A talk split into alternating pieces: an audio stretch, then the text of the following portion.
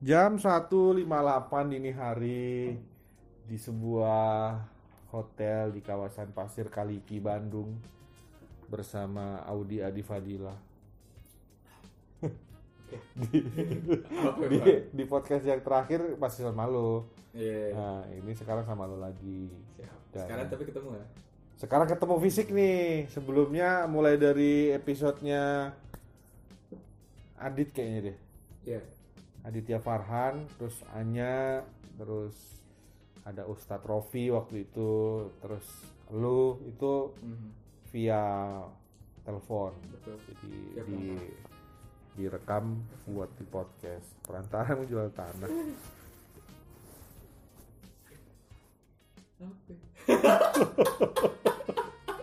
Gini.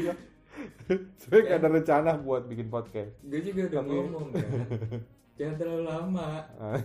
Jadi nyet. Apa? Jadi apa? udah topik. Iya, jadi eh, pendengar Podsense masih di podcast nyantai bareng gue tentu sebagai host utama ya Oki Ardianto. Terima kasih buat kalian yang kemarin-kemarin masih dengerin podcast gue dan ya ini gue coba buat ngelanjutin lagi gitu setelah rasa-rasanya pandemi kayaknya buat kita semua udah makin ke sini makin kayak yang capek gitu kan. Kayak yang bosen banget gitu dengan keadaan yang seperti ini gitu. Nah, di keadaan nyaman aja orang masih bisa bosen. Di keadaan normal sedang tidak terjadi apa-apa gitu. Mhm. Orang masih bisa bosen gitu Iya. apalagi ini kejadiannya sedang tidak biasa Mhm. eh, ancaman virus terus juga kondisi Ekonomi. sosial ekonomi juga sedang nggak dalam baik-baik saja gitu. makin orang makin kayak yang pengen nyaman lagi gitu Mhm. padahal ketika lo dikasih kenyamanan lo kayak yang aduh bosen banget deh masih pengen yang ini pengen yang ini pengen yang ini gitu Mhm. Kalau lo sendiri gimana nih lo sedang bosen apa sekarang Gue sedang bosan. Gue nggak lagi bosan. nggak lagi bosen Nggak lagi bosan. jujur. oh. kenapa kok nggak bosen Tanya macam apa sih? Kalau gue boleh tanya, tanya macam apa ya enggak ini biar ada omongan aja gitu. Eh, gue jujur gue nggak bosen. Gue Hmm. emang lagi nggak bosen. Apa? ya kan ini kan kaitannya sekarang masih sebenarnya masih pandemi nih Ah, ah. masih situasinya masih situasi kebatinan kita tuh sama gitu bahwa virus ini belum belum sepenuhnya tertangani dengan baik gitu di, di- Ah. terutama di negara kita gitu. Kalau gue sih terus terang ya udah bosen dengan situasi ini gitu maksudnya kalau gue secara secara pribadi ya pengennya kembalikanlah situasi ini seperti sedia kala gitu supaya kayak gue sebagai seorang pekerja juga supaya kerjaan gue juga balik lagi lancar kayak Betul, waktu betul. itu ya kan Kalau itunya mah kayaknya semua orang penghasilan juga gue bisa balik lagi kan deh. Mm-mm. maksudnya gue udah cukup gitu merasa udah aduh udah deh kayak kalau bisa ayo dong ini segera kita tuh get to better gitu Mhm. Gitu. kalau lu sendiri maksudnya kayak pengen udah pengen pada satu fase di mana gue pengen nyoba sesuatu yang lain nih gitu. Oh enggak sih. Enggak gue ya? malah pengen bener-bener ya fokus aja di jalan gue. Hmm. Wow. Apa tuh di jalan apa Jalan. jalan pasir kaliki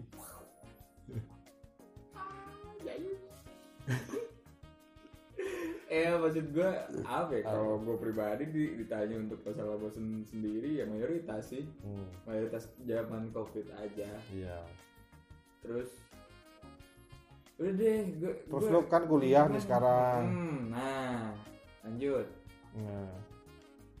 Lu kuliah ketika eh, pandemi masih berlangsung gitu. Iya. Artinya eh, belum ada perkuliahan yang sifatnya tatap muka offline. secara ya secara langsung. Masih dilakukan secara daring kan secara Betul. online.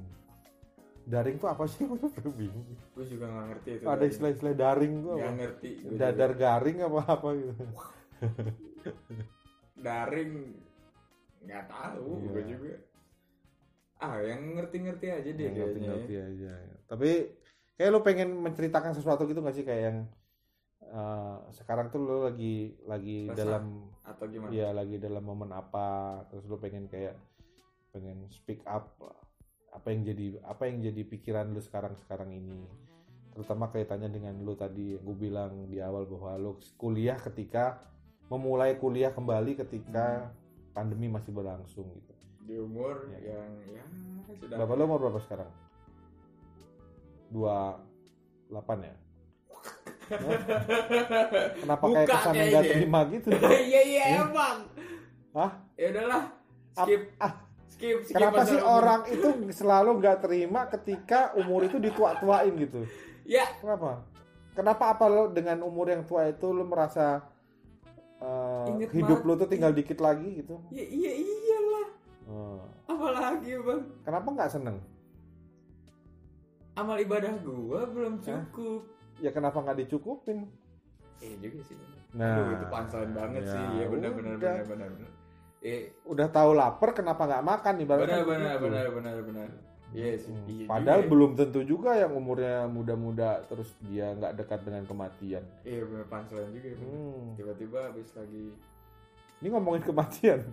aduh nggak tadi kan udah udah openingnya mahasiswa ini apa gimana Memang podcast tuh selalu random, jadi lu Hmm. harus siap dengan Random semua pertanyaan-pertanyaan. kalau gua ini balik lagi ke masalah tadi ya Hmm, kalau gua emang lagi resah sih emang lagi karena resah emang pertama dan gelisah. Ini opini gua ya even nanti yang denger ataupun segala macam Hmm. gua mohon maaf untuk ataupun siapa pun itu ada yang merasa tersinggung atau segala macam Hmm. minta maaf dari awal di sini ini cuma opini gua dan ini pandangan gua Nah, ini ngomongin pemerintah. wow Oh enggak ya? Jangan, Jangan, ntar kita. jangan Aduh, dong. ada tukang cireng di bawah HT di depan jangan. lobby hotel ya kan? eh, Hmm.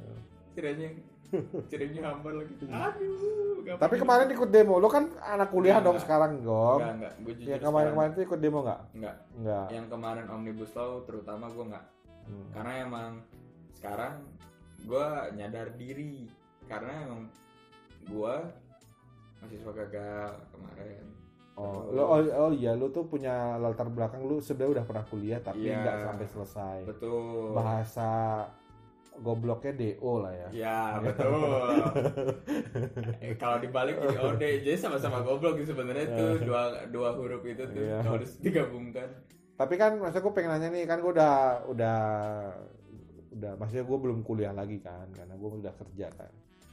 Perlu nggak ada demonstrasi unjuk rasa ketika muncul isu-isu tertentu di tengah-tengah masyarakat? Kayak kemarin kan kebetulan ada di eh, omnibus law itu kan yang udah disahin. Tapi sebelum jauh sebelum itu udah ada udah ada. eh, Dari tahun demo apa tuh demo UU revisi KPK ya? Undang-undang KPK segala macem lah gitu. Yes. Tapi menurut gue relevan nggak sih uh, demonstrasi itu sebagai uh, salah satu sarana untuk uh, menyampaikan pendapat atau ketidaksetujuan terhadap satu isu misalkan masih relevan Hmm, gimana ya? Kalau menurut gua sih lebih ke ini aja bang. Eh, kalau untuk ditanya demonstrasi itu relevan apa tidak, Hmm. menurut gua 50-50 karena kalau gua disebut demonstrasi itu menurut gua itu Hmm. adalah sebagai indikator indikator suatu negara aja sih. indikator apa nih Indikator gua nggak demokrasi berani. kali demokrasi kan di, di dalam di dalam Demonstrasi apa demokrasi? iya demo apa demonstrasi itu Nah, Tadi kan lu bilang indikator dalam sebuah negara, indikator dalam hal kualitas demokrasinya. betul. Ya, ini eh, obrolan sok tahu kita aja lah ya.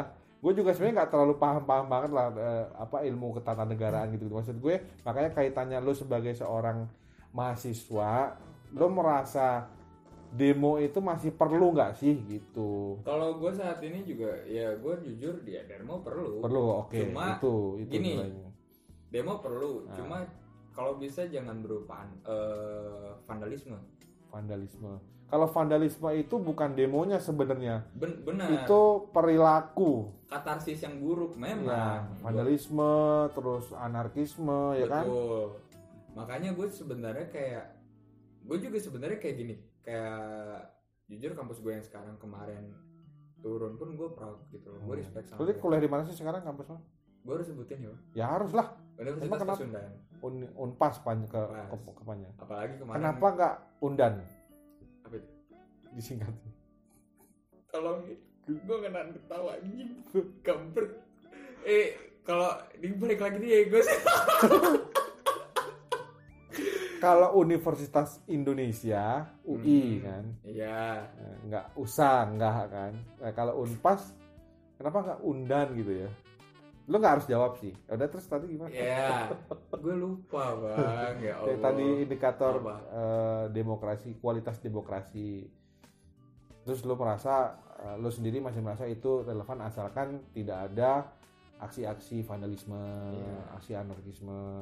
kalau gue ya Hmm. itu jujur Eh, terus emang apa ya bang maksud gue vandalisme sendiri pun nih ya sok gitu tapi kalau vandalisme Sok gimana? Sok gimana? itu Kok lebih ke anarkis sih kalau Ya, yang iya, anarkisme. maksudnya yang gak terlalu Dan anarkisme itu tidak melulu dari demonstran, iya benar bisa juga dari aparat. iya iya iya benar Terus sorry sorry. Ya itu mas skip. Terus Hmm. eh sorry gue salah tadi.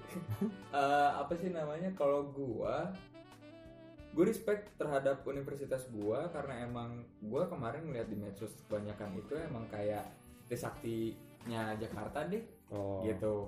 kalau di Jakarta ada Trisakti, betul. kalau di Bandung Bandung, merasa Unpas. unpas yang iya kayaknya. Terus memang Kenapa begitu? nggak tahu kayak gue ngeliat di medsos aja karena kemarin gue kan nggak nggak turun Hmm. dan em- kenapa gue nggak turun pun? Karena emang gue saat ini pun maba. Nah ini yang gue mau mengucapkan karena gini nih. Eh jujur saat ini gue pernah kan bang? Yang jadi sosok kating pernah. Sosok Kating tuh kakak kakak Kakak tingkat. tingkat. Ya. sosok kakak kelas di kakak mahasiswa pun pernah. Hmm. sebagai adik tingkat pun pernah. Sebagai maba pun pernah. Aku pan Kalau aku kan. kalau kakak tingkat tadi kating, Hmm. kalau adik tingkat Ya, adik tingkat maba lah ating. Kenapa sih kok ada singkatan-singkatannya nggak ini? ya Kalau kakak juga. disingkat boleh kating, kalau Iya. ating nggak boleh. Adik tingkat atau angkat. Iya gue nggak paham deh Ya udah, itu ya. kultur mereka Oh, iya. kultur yang Terus, sudah ada gitu ya Hmm. ah gue saat gue saat ini jujur gue mempunyai perspektif yang pernah gue alamin gitu Hmm, ya. Dua perspektif itu dan sekarang gue memulai lagi dari awal Mulai Ngerti? memulai lagi kuliah dari awal Oh. jadi maba lagi jadi maba, Dan- meskipun lu pernah kuliah. betul Terus? saat ini jujur yang gue resahkan itu adalah bukan resah sih iya resah sih Hmm. Eh, Lu punya keresahan soal soal gue nggak menyalahkan siapa pun di sini tapi gue Hmm. Lebih ke kenapa sih metodenya harus seperti itu? Karena pada dasarnya saat ini pun emang ngerti nggak sih bang? Kan sekarang tuh kuliah online. Sekarang sedang sedang pandemi betul. yang mengharuskan dunia pendidikan khususnya di perkuliahan itu dispekkan dengan sistem online. Iya, termasuk imbasnya ke maba dan mahasiswa segala macam. Ma- mahasiswa baru dan mahasiswa lama. Hmm, gitu. Malah ya di sini jujur aja gue di sini ngambil perspektif dari mabanya dulu lah ya. Hmm, dari sisi maba. Dari sisi maba. Mahasiswa baru. Ah, gue jujur dari kemarin pun nggak tuh mungkin. Dari kemarin pun eh, ngomong ataupun berdiskusi tentang mereka gimana sih pandangan kalian terhadap kuliah. Dan mereka kebanyakan sendiri pun masih banyak yang belum ikhlas terhadap apa yang mereka jalani sebelumnya yaitu SMA jadi kayak ngerti nggak sih kayak gue masih SMA kemarin belum kepotong bukan belum ikhlas kali maksudnya belum bisa melepas penuhnya kebiasaan-kebiasaan di SMA cara Mungkin. berpikirnya juga masih cara berpikir Hmm. SMA ya ini gue ngomongin perspektifnya Mamba dulu Hmm. terus sudah kayak gitu mereka emang belum ya kebayang gak sih sama Bang Oki gitu ya aku aja nggak kebayang kalau seandainya aku SMA Hmm. nggak perpisahan UN pun ditiadakan memang UN ditiadakan memang sangat-sangat wow gitu loh ya diluluskan gitu Iya. cuma Hmm. kan dari situ sendiri kayak ih ada yang aneh gitu kan Hmm, terus iya. memang eh kehilangan momen-momen itu tuh adalah yang suatu yang bener-bener pahit sih menurut aku ya ya terus memang dari perspektif maba sendiri pun akhirnya membuat mereka sendiri persentase mereka menjadi tidak siap menjadi mahasiswa itu ah, gede banget. Berarti dapat disimpulkan ya anak-anak itu nggak kurang adaptif dong. Saya kurang bisa betul. Kurang bisa beradaptasi dengan dengan situasinya. Betul. Karena menganggap eh, sesuatu yang apa ya yang biasanya terjadi itu sekarang tidak terjadi sebagai sebuah masalah gitu. Ya kan? Kan biasanya di kakak kelas mereka sebelumnya ada pensi ada kelas meeting Iya, ada ada uh, prosesi-prosesi kelulusan yang ya selayaknya sebelum Hmm. ada pandemi gitu. Dan ketika sekarang pandemi mereka dalam dalam fase di mana segala sesuatu tuh dicoba dilakukan dengan cara ini cara ini cara ini. Jadi buat dicoba-coba gitu. Jadi Hmm. mungkin uh, ya wajar kalau misalkan anak-anak ini kayak yang terombang-ambing ya karena mereka menyaksikan sendiri dulu kakak-kakak kelasnya lulus Nah. dengan cara yang seperti itu. Gue hold dulu ya pembicaraan Hmm. itu.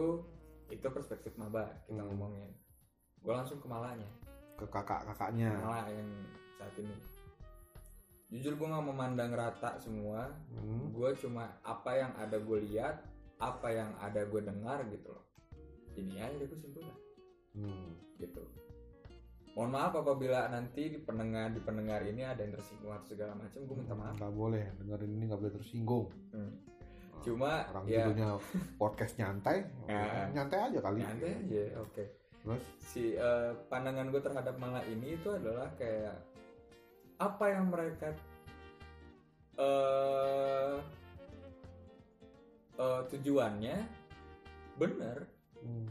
Aku salut dan mereka sendiri pun ya aku paham gitu loh mereka butuh SDM mereka butuh ataupun mereka mereka pengen mengu- eh, apa sih itu namanya Apa?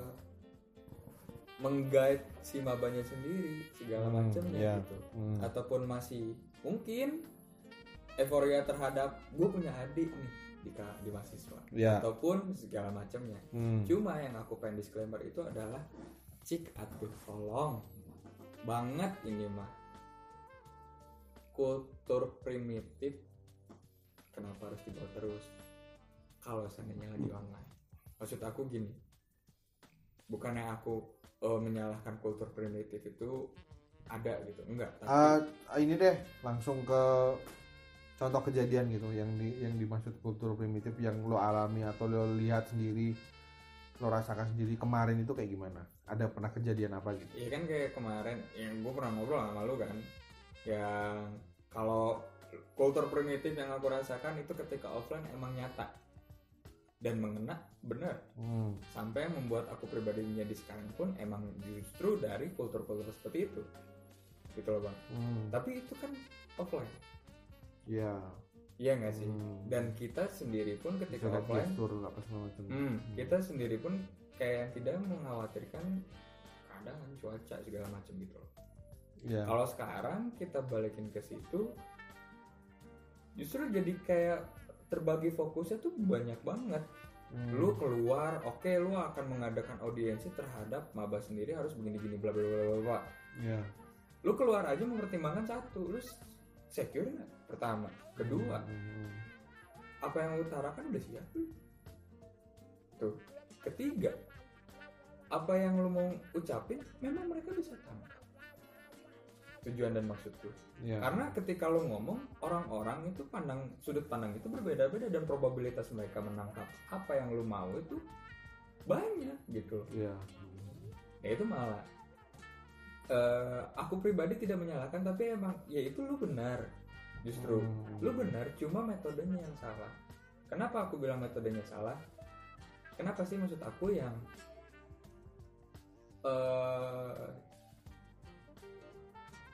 kalau seandainya emang ma- malah sendiri pengen memberikan shock terapi ataupun segala macam gitu ya kenapa nggak nunggu nanti?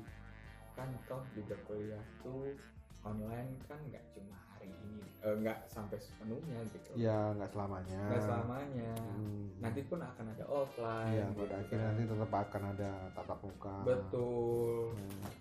nah aku justru sangat menyayangkan bukan menyalahkan sangat menyayangkan eh, metode-metode seperti ini soalnya itu akan menjadi salah ke merekanya sendiri Iya. senjata makan Tuhan yang mereka tuh pengen mendapatkan stigma gua kakak lu di sini gue yang jagain lu tapi malah yang dapatnya mereka itu adalah stigma-stigma yang Nggak bagus.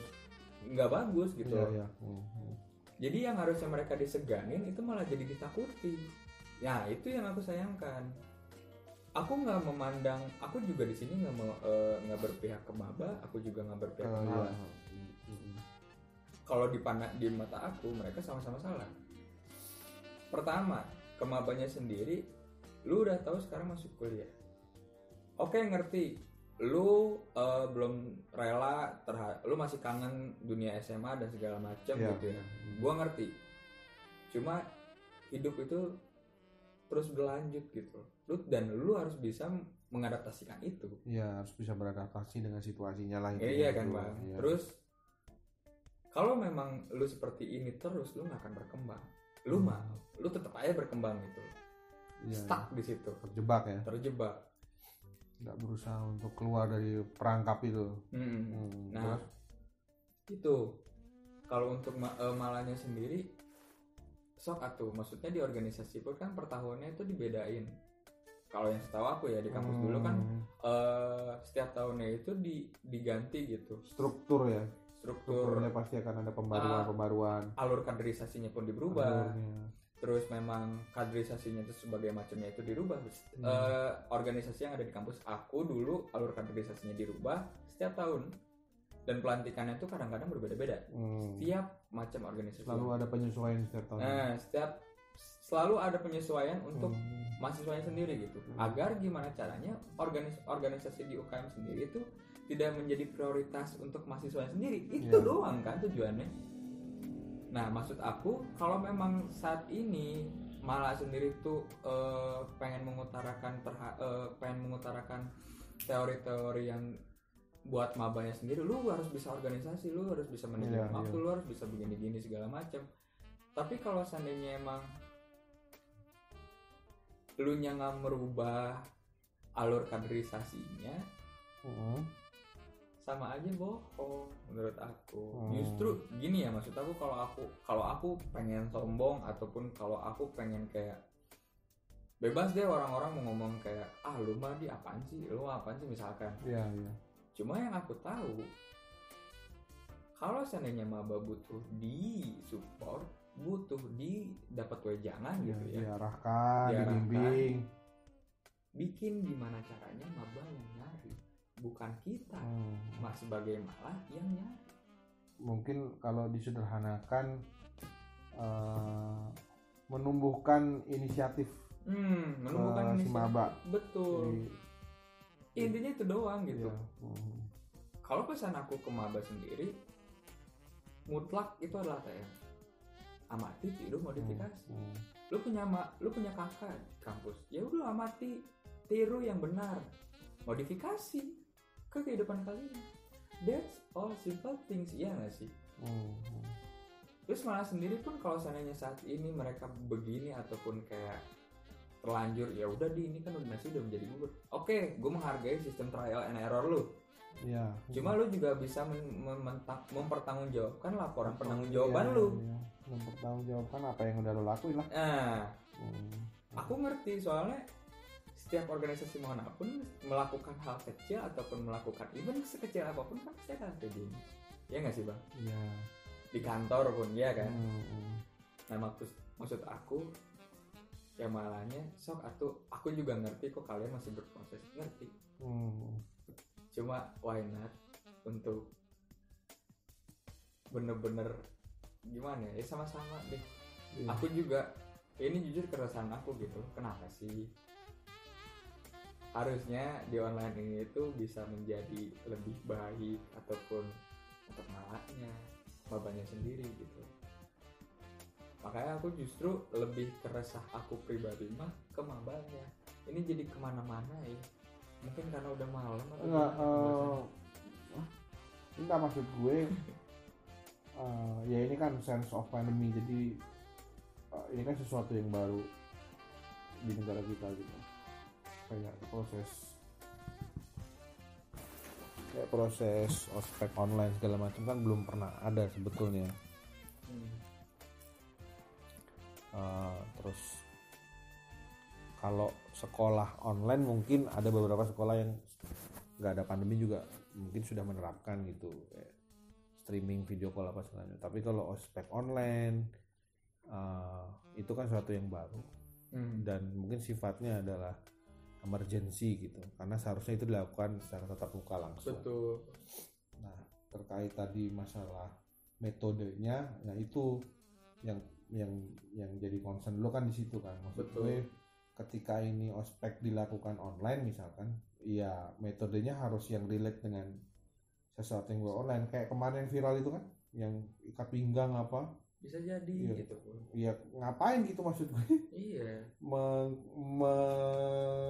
mengkomentari atau menjadikan itu sebagai sesuatu yang perlu banget buat dibahas gitu. dan kita maksud aku gini ya kalau untuk ranah ranah kuliah sendiri kan kita nggak pernah tahu track record dia ke belakang seperti apa maksudnya kalau seandainya SMA dari pendidikan SD SMP Iya, iya. SMA itu kan semua rata kalian semua Hmm, hmm. dan emang pola pikirnya itu sama. Kalau mahasiswa kan ada yang bener-bener kalah ada yang getir setahun Iya. ataupun segala macam kita nggak bisa menyamaratakan pemikiran orang masing-masing. Iya, cara berpikirnya pasti akan berbeda. akan berbeda-beda dan kita mahasiswa sendiri pun harus benar-benar mentoleransikan hal-hal seperti itu. Iya, sebelum harus dinamis. ah Hmm, gitu doang. Hmm. resah banget sih aku pribadi. Karena emang aku di sini juga status aku juga maba Apa? Padahal lo sebenarnya udah pernah kuliah juga. pernah kuliah juga gitu dan Ini bukan orang baru yang di dunia perkuliahan. betul Iya. justru aku yang Tapi ini bisa berbeda dengan yang kemarin baru lulus, lulusnya juga online gitu kan. ya Sekarang masuk kuliah oh, masih online lagi gitu ya.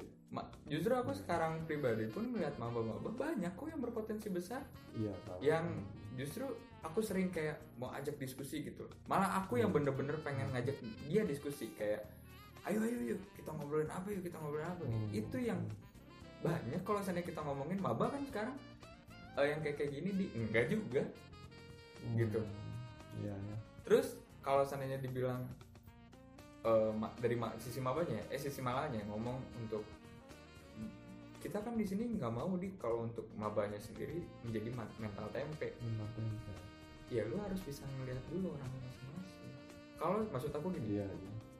nggak bisa di, ditebas rata semua untuk menjadi mental baja gitu loh kalau emang pada dasarnya maba-mabanya sendiri nggak mau belanja Hmm, Jadi mungkin maksudnya adalah pendidikan mental ya, iya penguatan mental dan sebagainya. iya Tapi kan? lagi-lagi kita tuh sedang sedang membahas terkait gimana sih sebetulnya metode yang tepat bagi rekan-rekan cutting di setiap kampus di universitas itu eh, dalam rangka menjalankan tugas dan fungsinya sebagai cutting gitu kan Mhm. jadi eh, mungkin yang terjadi di lo belum tentu terjadi di kampus lain Belum. mungkin ada juga kampus yang bagus gitu dari Hmm. sisi ospeknya lebih proper lebih siap gitu kan yang terjadi di kampus lo adalah eh, itu tadi ya jadi apa eh, kolot apa ya apa istilahnya tadi tuh?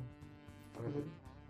Yang sesuatu yang sudah lama terbiasa terjadi berusaha masih dibawa ke situasi yang sebenarnya ini adalah situasi baru gitu sesuatu yang aku jujur aku pribadi pun eh, sedikit blunder. Hmm, karena emang eh, apa yang aku lihat yang tadi aku bilang ya apa yang aku lihat ya aku ngomongin gitu. Hmm, aku nggak mengejudge nggak mau ngejudge nggak nggak ngejudge karena emang aku juga siapa mungkin maksud Mau aku Aldi. gini ini juga kayaknya berlaku buat semua orang gitu Iya, di, iya. di kampus mana pun kalau- soalnya Nah, bukan cuma kampus aku doang Iya, soalnya iya. kan ini kita ngo- ngomongin tentang konteks online nya ya, aku pribadi ya kalau seandainya memang di sini ada yang online juga terus emang ngerasain dari sisi malanya sisi mabanya sendiri. Hmm, Ya, yuk kita sama-sama baikin yuk. Tapi sebenarnya kalau di terutama di kampus lu gitu mandat dari kampus ke cutting itu apa sih yang jadi tugas pokok mereka sebenarnya? Maksudnya kan mereka kan representasi kampus kan cutting maksudnya kayak uh, ini lo sambutan kami Hmm. kepada kalian mahasiswa baru gitu. Sebenarnya apa sih? Gue pengen tahu. Gimana? Tugas-tugas cutting yang lo tahu itu apa sebenarnya secara penugasan dari kampus lah. Kan nggak mungkin nih cutting ngide aja gitu tiba-tiba ngumpulin anak baru terus diceramahin gini kan nggak mungkin dong. Itu kan sudah sepengetahuan sepengetahuan kampus pasti dong. Betul. Pengetahuan dosen atau apa istilahnya? Rek- eh, apa rektor atau apa ya? Yang yang yang yang bersentuhan dengan cutting itu biasanya levelnya apa kalau di kampus? Dosen enggak kan? Bukan dosen kan apa. Iya maksudnya cutting ini yang bertanggung jawab atas cutting perilaku cutting ini siapa? oh banyak bang kayak eh gini ya kultur-kulturnya beda-beda Hmm, yang terjadi di kampus lu deh di Undan ini. Undan. sikat jadi menurut aku sih ya Iya. setiap angkatan itu menjadi backupan setiap angkatan Oh. ngerti nggak jadi cutting misalkan 2001 sama 2002 Dia akan Nah, backup. nah ya gitu Hmm, iya. cuma Ya. di kampus aku pribadi pun ada bagian yang menjadi indikator Iya. setiap angkatannya Hmm. ada tuh Nah, itu yang bikin indikator itu siapa? Kampus kan? kampus Ya dalam hari ini kan nggak Ya. tahu bentar nggak tahu nggak tahu itu tuh kampus nggak tahu itu mahasiswa ya cuma Hmm. aku yang aku tahu itu ternyata oh ada di kampus kalau di Hmm. kampus aku kan nggak ada kalau di kampus nggak ada. Hmm, di kampus aku yang dulu. Itu cuma ada sistem kulturnya itu adalah kakak asuh. Nah Oh, kenapa Ya, kenapa? ya. ya, ngerti gak kalau kakak asuh kan berarti gue dulu punya kakak asuh 15 gue punya kakak asuh 15 dan setiap perilaku gue di kampus itu hmm, tanggung jawabnya 15 mau jelek mau baik itu tanggung jawab 15 Iya, iya. Jadi angkatan-angkatan lain pun tidak tidak ada yang namanya mengintervensi ke angkatan aku. Lebih simpel sih sebenarnya bang. Cuman lebih lebih konkret aja. Dulu aku yang di kultur yang ada di kampus aku ya. That's all. Terus kalau seandainya abang nanya lagi si pressure dari cuttingnya sendiri apa? Alumni Hmm, ya ke alumni. kalau seandainya kita ngomongin organisasi yang ada di kampus ya hmm, ya. alumni ini seba kalau menurut kalau yang setahu aku Hmm, alumni sendiri pun sebagai sebagai badan pengawas tapi si badan pengawas itu ada ada ada ada lagi di belakangnya kayak ngerti gak sih bos another boss another boss Iya, gitu iya. loh Ya, kayak di kalau- level gitu lah nah itu Hmm. Ya aku ngerti gitu loh kalau seandainya malah sendiri pun ada pressure dari atasan sendiri memang cuma ya kalau bisa kartis katarsisnya yang baik deh jangan yang buruk Hmm. ya aku ngerti misalkan malahnya sendiri mengalami pengalaman buruk misalkan let's say Iya. di primitif banget tuh kulturnya let's Ya say primitif tadi. Mm-mm. Primitif kan identik dengan definisi ketertinggalan. ya. iya Sesuatu yang tertinggal yang nggak up to date. kalau aku sih ya kalau memang mereka mempunyai pengalaman ya udah kalian udah pernah ngerasain enak nggak kalau nggak enak ya udah nggak Ya. usah ngasih lagi Jadi eh, menyalurkan energi positif lah intinya. iya Kan kalau maksudnya lo pernah terima sesuatu yang nggak enak, jangan jadikan itu sebagai lo terus membalaskan dendam lo ke iya yang sering kali terjadi dalam dalam kultur senioritas junior itu kan kayak gitu kan selalu kayak kayak gini junior deh itu jadi objek nah balas dendam lah ibaratnya. ojek penderita lah gitu kan Hmm. maksud aku gini kalau seandainya memang malu- mereka dipermalukan gitu Iya. kan. kalau seandainya mereka emang lebih concern terhadap eh, nilai-nilai positifnya kayak gue harus di ngasih shop terapi segala macam misalkan. Hmm, hmm, hmm. tapi kalian ketika kemarin offline sendiri shop terapi kalian udah terapin ke diri kalian sendiri belum? Ya. Itu doang. Ya sebelum diterapkan ke orang ya ya benar. betul. Sebelum diterapkan ke orang ya shop terapin diri lu sendiri. Jadi bisa merasakan. Iya. Sebelum lu menghargai orang hargai diri lu sendiri. Hargain dari mana? Dari waktu iya iya.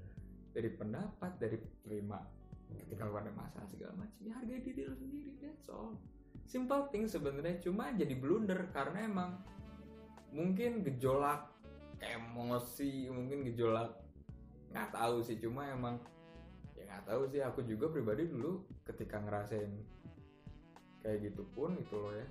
Mhm. emang blunder. Jadi aku pribadi pun kayak aku jujur waktu itu sering banget diomelin. Dapat shock terapi pun sering banget gitu. Sering. sering cuma itu jujur aku pribadi pun jadi blunder oh ini apa nih oh, apalagi nih gitu loh Hmm. oh ternyata yang pentingnya ini oh yang kemarin harus dibuang eh, kan yang jadi blunder gitu Iya. iya. ya itu doang sih yang yang aku nggak pengen utarakan kita ngobrolin aja kan ini juga podcastnya santai kan Iya, nyantai banget sih. Saking banget. nyantainya ada klip-klip mata gue. Jadi eh, kalau Hmm. buat lo sendiri lo punya insight nggak? Maksudnya apa eh, kalau misalkan di konkretnya lah istilahnya punya insight nggak? Yang kira-kira metode yang menurut lo pas tuh kayaknya harus gimana sih gitu? Antara cutting ke maba. Dan juga begitu juga sebaliknya.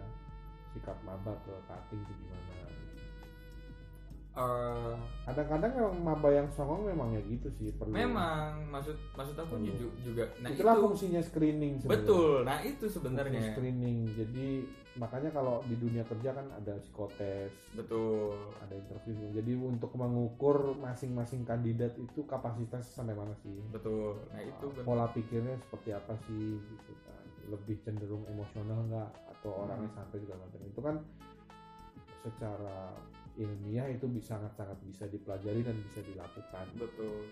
Jadi ketika dia sedang menerapkan satu satu apa ya istilahnya? Apa tuh ya menerapkan satu kebijakan atau satu program itu program itu tepat. Iya. Sesuai dan relevan. Betul. Ada urgensinya buat si maba. Maba juga merasa bahwa yang dia dapat memang ya inilah uh, hasil dari screening yang udah gue jalani gitu makanya setiap case ya penanganannya juga pasti akan berbeda-beda. Nah, kalau dari sisi lo metode yang tepat menurut lo itu kayak gimana gitu? Ya Nah, kalau aku sih ya. Kakak kelas itu ke adik kelas itu harusnya gimana? Si kontrol panjang si kontrol panjang iya. Ah, apa kepanjangannya? Situasi kondisi toleransi pandangan dan jangkauan situasi. Kondisi. Kondisi. Toleransi. Tolnya toleransi. Pandangan dan jangkauan pandangan dan jangkauan coba deskripsikan tuh. Let's say. Atau Ya. lo atau lo el- elaborasi lah dengan dengan metodenya. Ya.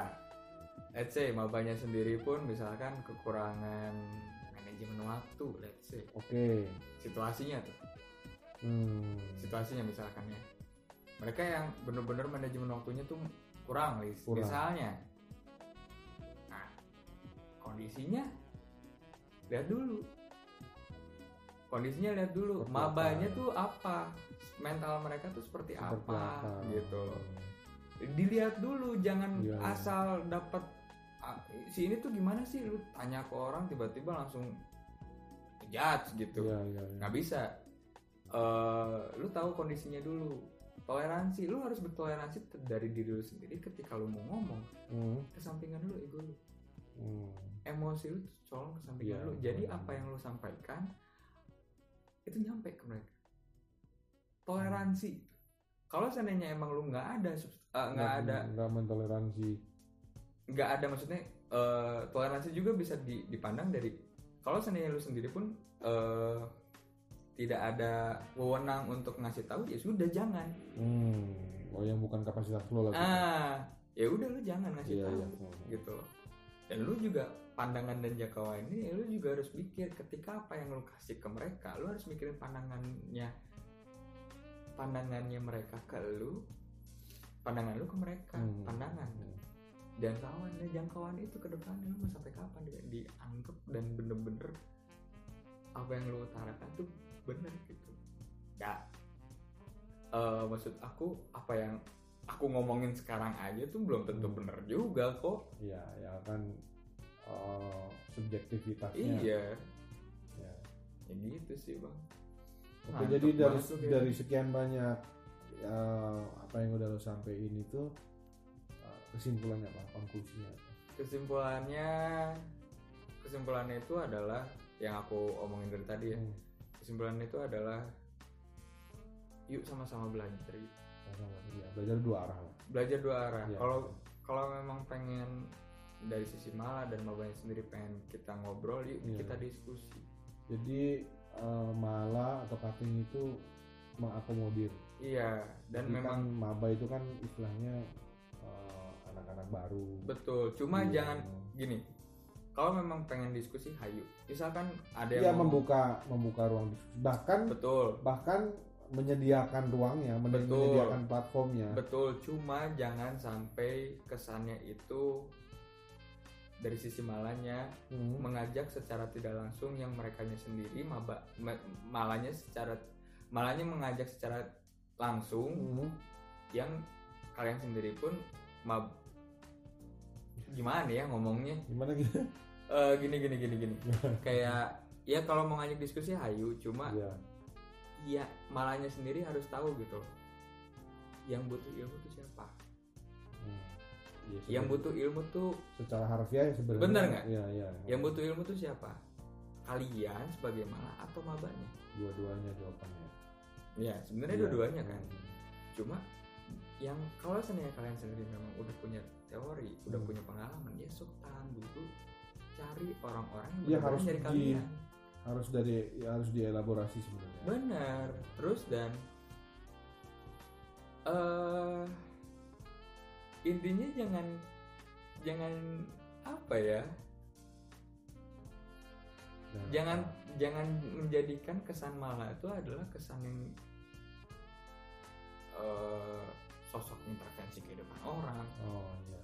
Sosok- tahu kapasitas lagi. Nah, intinya gitu. Terus mabanya sendiri ya lu ATM. Kalau seandainya emang lu Amati, pribadi tiru modifikasi. iya amati tiru Jadi, modifikasi. Kalau memang Konsep pengamatan itu bisa lebih apa, mau mendengarkan, Betul. mau memang- belajar, mau bertanya, Mm-mm. ya kan? Tiru itu ambil sisi positif yang bisa lu contoh, betul. yang bisa lu ulik lah ibaratnya, Betul. pelajari eksplorasi, kemudian modifikasi itu dalam rangka adalah penerapannya. Betul. Jadi apa yang sudah lo dengar, apa yang udah lo pahami, yang lo baca, kemudian apa yang udah tadi apa amati, tiru, apa yang udah lo dapat positif positif vibes yang udah lo dapat dari senior senior lo, ya lo terapin di di di apa ya dalam segala hal yang menurut lo itu relate dengan kehidupan lo terutama di kampus kan gitu. Iya. Itu sih. Kurang Dan- gitu ya. Hmm. Ya kalau maksudnya Ya makanya eh, cutting itu harus bisa sebagai justru sebenarnya sebagai jembatan ya, dia itu Iya. menjembatani. Jadi menyediakan ruang seluas-luasnya buat adik-adik lo untuk berekspresi, untuk menyalurkan ide-ide gagasan-gagasan segarnya gitu kan. sebenarnya juga harusnya dari mabanya sendiri pun ada sebagai jembatan antara maba dengan cuttingnya sendiri. Memang Hmm. ada. Nah itu fungsinya ketua angkatan sebenarnya. Ketua angkatan oh iya.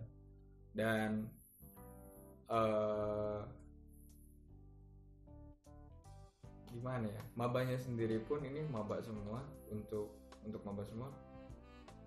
Intinya kalian ya harus bisa siap belajar. Bener-bener Iya. harus siap belajar gitu. Terima pahitnya ambil baiknya Hmm. relakan semua kejahatannya that's all Apa tadi relakan kejahatannya gimana tuh maksudnya? even misalkan ada kata-kata yang kasar ataupun Dari segala macam cutting. dari mana pun Oh dari mana pun. Iya dari kan? lingkungan berarti. di lingkungan di lingkungan kuliah kita ngomongnya kan Iya. relakan aja gitu loh karena misalkan ada orang Nggak usah dibawa ini gitu. nggak usah dibawa ke hati dan memang Iya. menurut Oh, aku iya. Aku pribadi dulu jadi maba sendiri pun aku nyesal bawa bawa hati ketika aku kuliah Hmm. wah dampaknya ya. dampaknya gila Iya iya. Oke. 44 menit. Lumayan panjang ngomongin hmm. karena juga sampai sayu gitu matanya dinamika maba. Ya, tapi gue jadi tahu gitu bahwa sebenarnya kan senioritas junior itu masih ternyata masih langgeng sampai dengan sekarang tapi memang mungkin gayanya aja Oke, Iya. ya.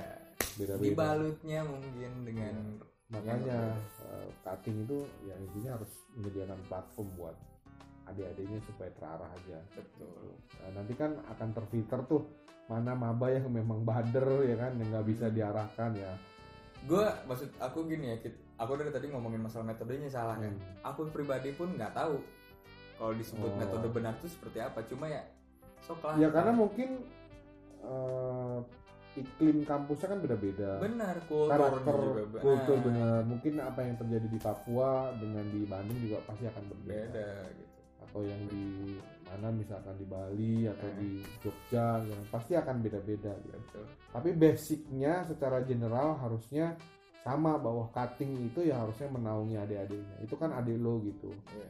jangan lo jadiin objek buat Hmm. buat gagah-gagahan buat uh, mendominasi peran ketika di kampus padahal padahal pada dasarnya antara cutting dan adik tingkat si ating itu ya lo tuh sama-sama mahasiswa di sini Nah. gitu bukan rektor yang lo ditunjuk langsung sama negara gitu Betul. ibaratnya gitu. Kalau jadi intinya sih Gimana? poinnya adalah paham kapasitas sih iya itu doang.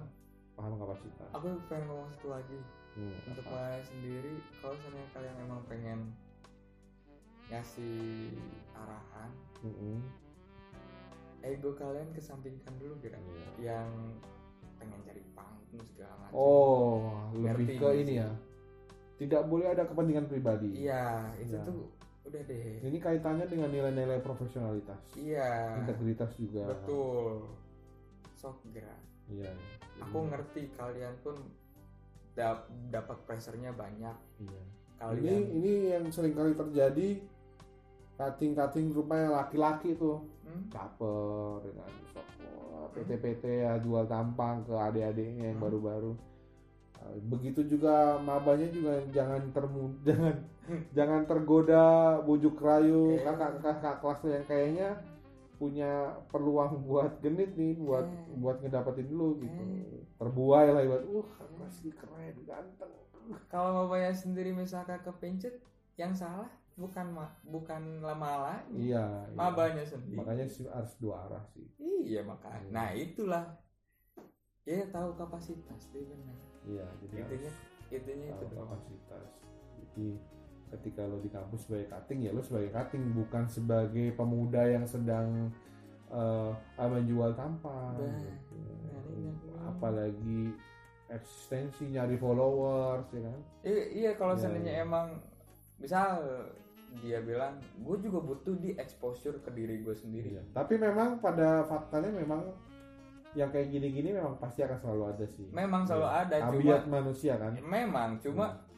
Atau kalau seandainya exposure itu maksudnya gini ya. Hmm. Seniman Iya.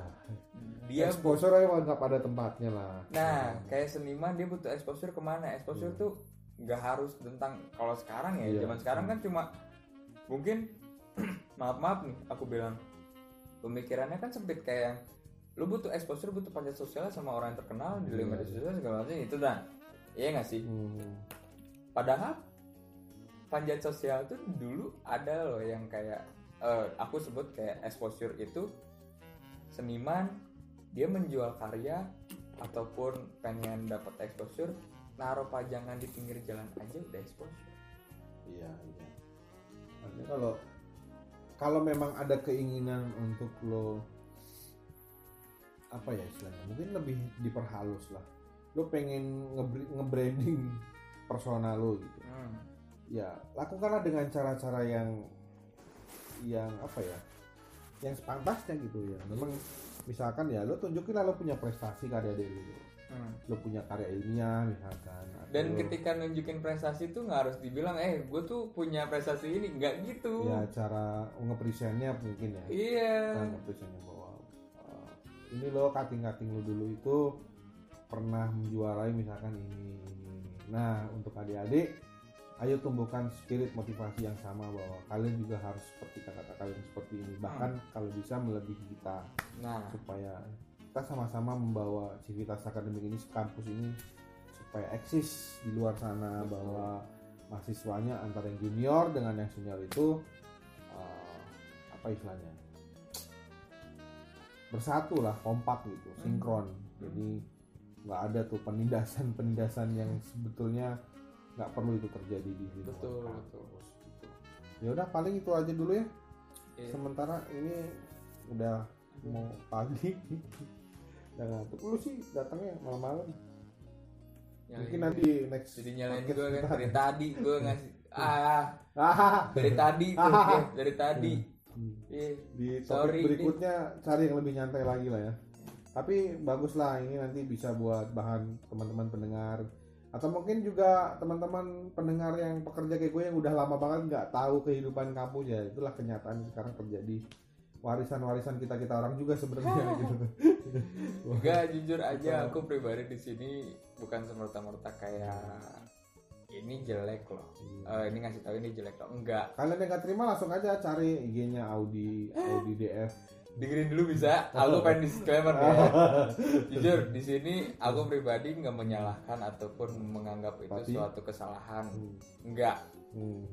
Kalian kayak gitu pun ya emang itu udah terjadi. Ya, tapi lu memun ini lu memunculkan diskursus eh, tentang eh, kehidupan maba dan mala di dunia kampus nggak apa-apa Eh, kalau kalian yang mendengarkan ini orang-orang yang masih aktif di kampus sebagai mahasiswa ya berarti ini bisa lo jadiin insight buat buat meramu Hmm. kira-kira ke depannya gimana sih secara metode yang baik dan benar untuk dalam rangka uh, menumbuhkan semangat yang sama kepada adik-adik yang baru yang nanti akan gabung di kampus. Kalau yang udah berjalan ya udahlah jadikan itu sebagai pelajaran supaya supaya apa ya uh, ya kampus lo tuh dikenal punya tata kelola manajerial terhadap anak-anak baru itu enggak enggak yang primitif tadi tuh gitu. Hmm. dinamis terus up to date jadi eh, segala sesuatu yang diterapkan itu memang relevan dengan zamannya dengan masanya.